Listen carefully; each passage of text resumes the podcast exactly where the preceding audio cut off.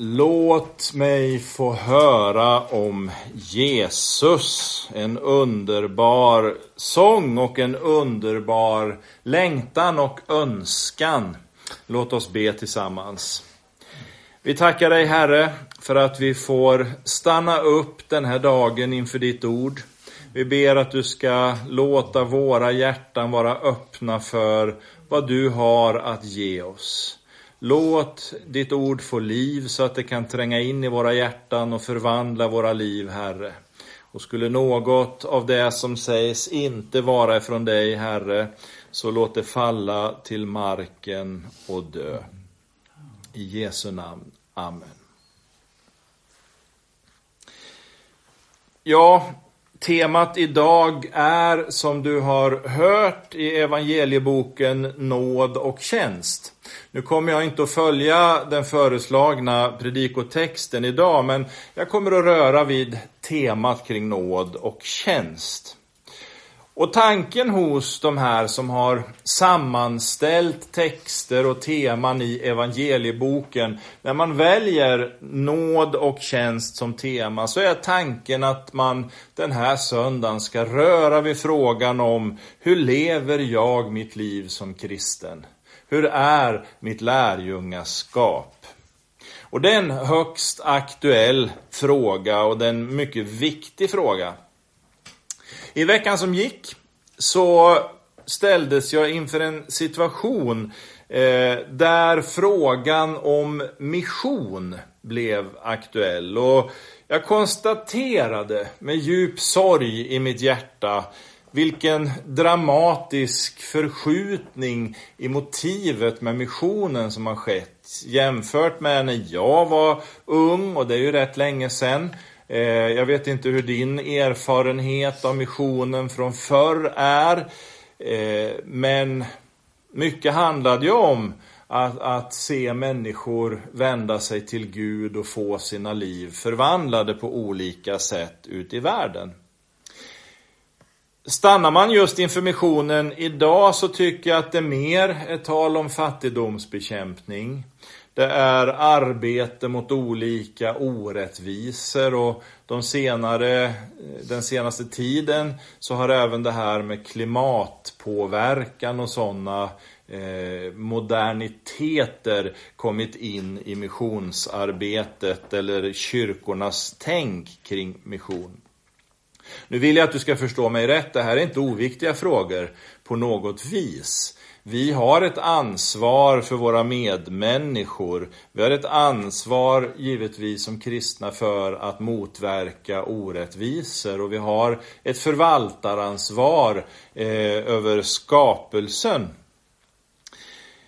I evangelietexten som är föreslagen så talar Jesus om på nyttfödelsen och när han sätter sig på sin tron. Sin härlighetstron står det till och med i Matteus 19. Och ordet som används där när han sätter sig på tronen, eh, det finns på ett ställe till i Bibeln. Och det är i Apostlagärningarnas andra kapitel och den tredje versen. Lukas använder samma ord när han skriver att anden visade sig och satte sig på var och en i församlingen. Och jag tänker på hur Lukas börjar apostlagärningarna, den första versen. För bokstavligt där skriver Lukas att han har skrivit om allt Jesus började att göra och lära. Guds verk är ett pågående verk. Och det handlar just om den här saken och det här sambandet mellan att Jesus förhärligas och han sätter sig på sin härlighetstron och församlingen får utrustning att vara hans vittnen.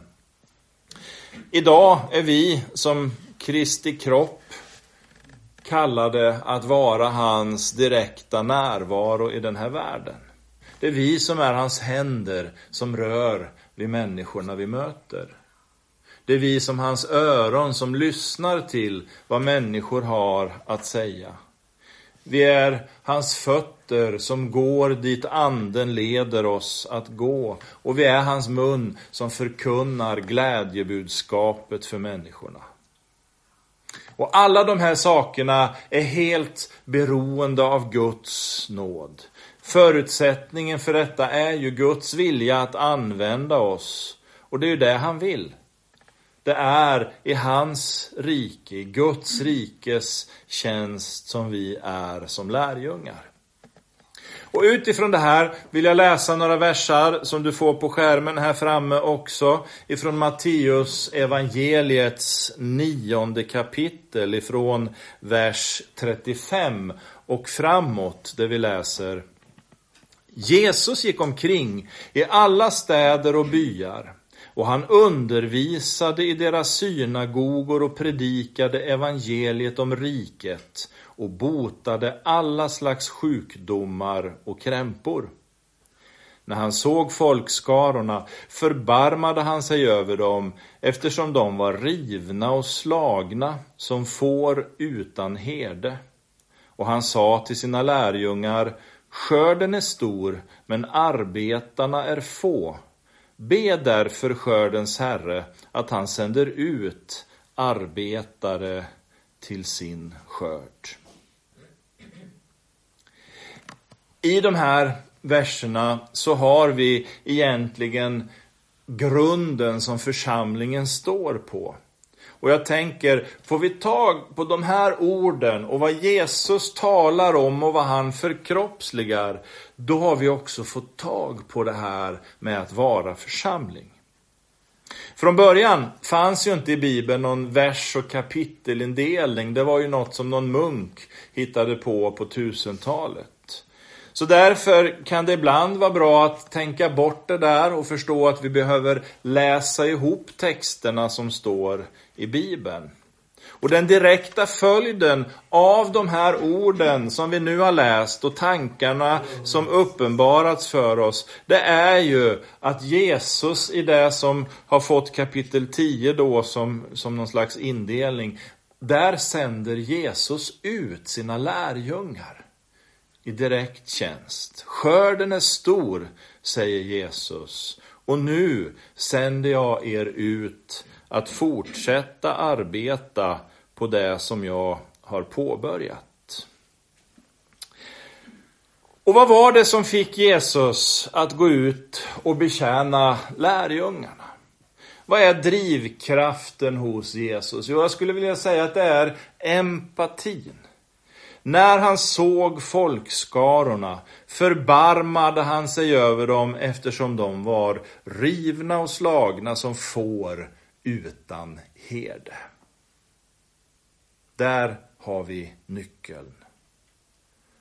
Där finns svaret till församlingens existens. Och jag rörde vid det där i höstas när jag hade några bibelstudier om församlingens uppdrag. Och var du med så kanske du kommer ihåg att jag sa vid något tillfälle där, eftersom människor är viktiga för Gud, är människor också viktiga för församlingen. Det var ju för människornas skull som Gud valde att komma till världen och bli som en av oss. Och vi har så många ställen i Bibeln som vittnar om det. Texter som talar om Guds kärlek till oss. Händelser och berättelser som vittnar om hur Gud själv väljer att ta itu med synden och ondskan eftersom vi är oförmögna att övervinna den makten. Initiativet ligger hos Gud och han har, som Paulus skriver, bevisat sin kärlek till oss genom att han dog för oss medan vi ännu var syndare.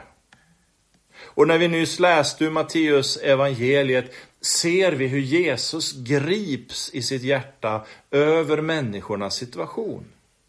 Den nåd som Gud bevisar oss i Jesus Kristus är den nödvändiga förutsättningen för verkligt liv. För liv i gemenskap med Gud. Hans kärleksfulla inbjudan. På den basen verkade Jesus när han mötte människorna. Han var inte inriktad på något resultat. Han förde inte bok över hur många som följde med honom eller som blev botade och befriade. Nej, Jesus var större än så. Han såg människan. Han betjänade människan. Han rörde vid människan. Han åt tillsammans med människan och lyssnade till henne. Och syftet med detta var ett enda för Jesus. Att återlösa en förlorad mänsklighet. Allt sedan Adam och Evas fall i Edens lustgård, när ormen förledde dem att äta av den förbjudna frukten, har ju människan i grund och botten varit åtskild från Gud. Syndens makt har rest ett ogenomträngligt hinder mellan människa och Gud, ett hinder som vi aldrig kan komma förbi. Människan försöker.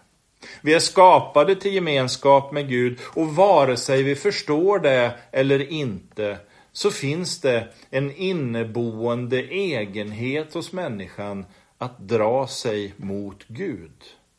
För det finns en plats i vårt innersta, en plats som är reserverad för Gud. En plats som bara Gud kan bo på. Och så länge människan inte förstår det försöker hon på olika sätt att fylla det tomrummet med allt möjligt. Men hur hon än försöker så misslyckas hon. I inledningen till Hebreerbrevet så läser vi att sonen utstrålar Guds härlighet och uppenbarar hans väsen för oss.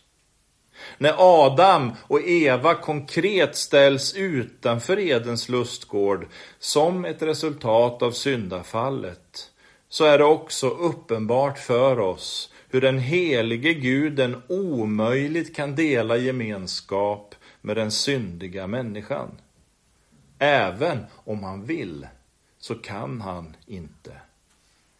Den ogenomträngliga syndamuren reser sig obarmhärtigt mellan skaparen och hans älskade barn. Därför väljer han att komma till oss som människa. Han kommer till vår sida. Till den sida där döden är det yttersta beviset för syndens makt och intention. När Jesus kom så ser vi honom och vi ser Gud så som han är. Vi ser hur rummets och tidens gränser bryts. Vi ser hur Guds kärlek flödar emot mänskligheten. Rivna och slagna som får utan herde, så bevisar Sonen Guds kärlek till oss genom att lösa oss från syndens band när han tar straffet på sig själv. Fullkomlig, och rättfärdig låter han sig avrättas i syndares ställe. Och när han ger upp andan rämnar förlåten i templet, uppifrån och ända ner. Nu finns inte längre något hinder för människan att gå in i det allra heligaste. Nu finns inget hinder för att få gemenskap med Gud. Förlåten rämnar och människan är förlåten.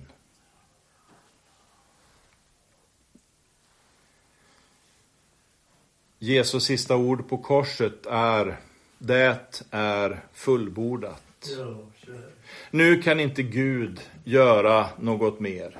Skapelsen råder han över. Stormens vågor kunde han stilla. Sjukdomar kunde han bota. Besatta befriade han och döda kunde han väcka upp till livet igen. På korset triumferar han över själafienden som på alla sätt försökt förleda honom till synd utan att lyckas. Rättfärdig dog Jesus i vårt ställe och vägen till Gud öppnades för alla människor utan undantag. Men en sak återstår. Ditt hjärta. Gud har makt över precis allting i hela universum.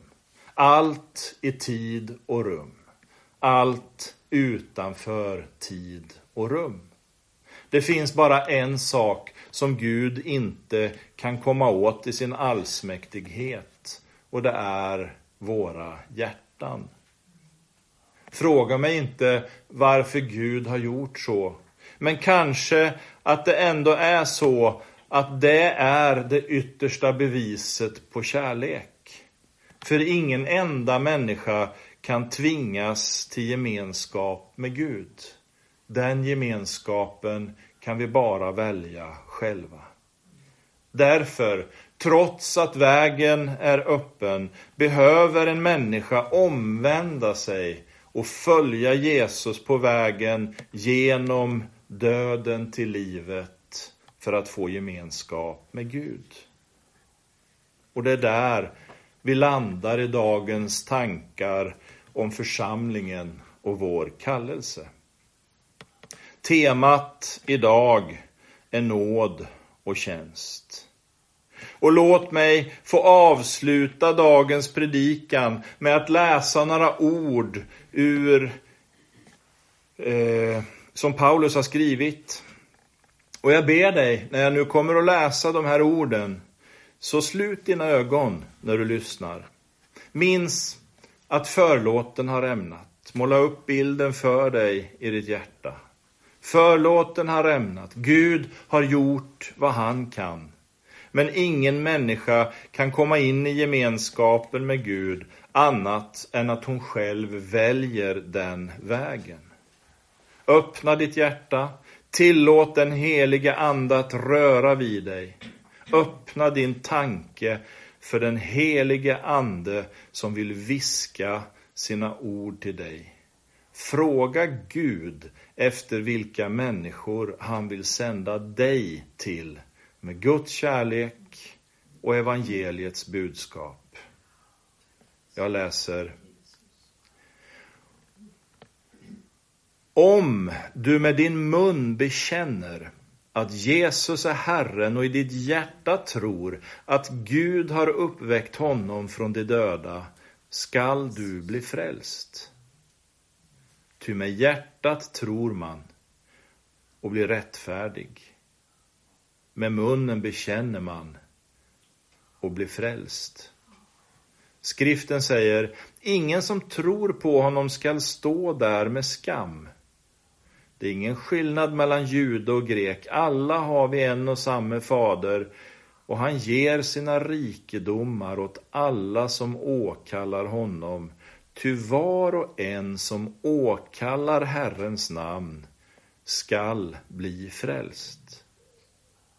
Men hur skulle de kunna åkalla den som de inte har kommit till tro på? Och hur skulle de kunna tro på den som de inte har hört? Och hur skulle de kunna höra om ingen predikar? Och hur skulle några kunna predika om de inte blev utsända? Det står skrivet. Hur ljuvliga är inte stegen av dem som förkunnar det goda budskapet.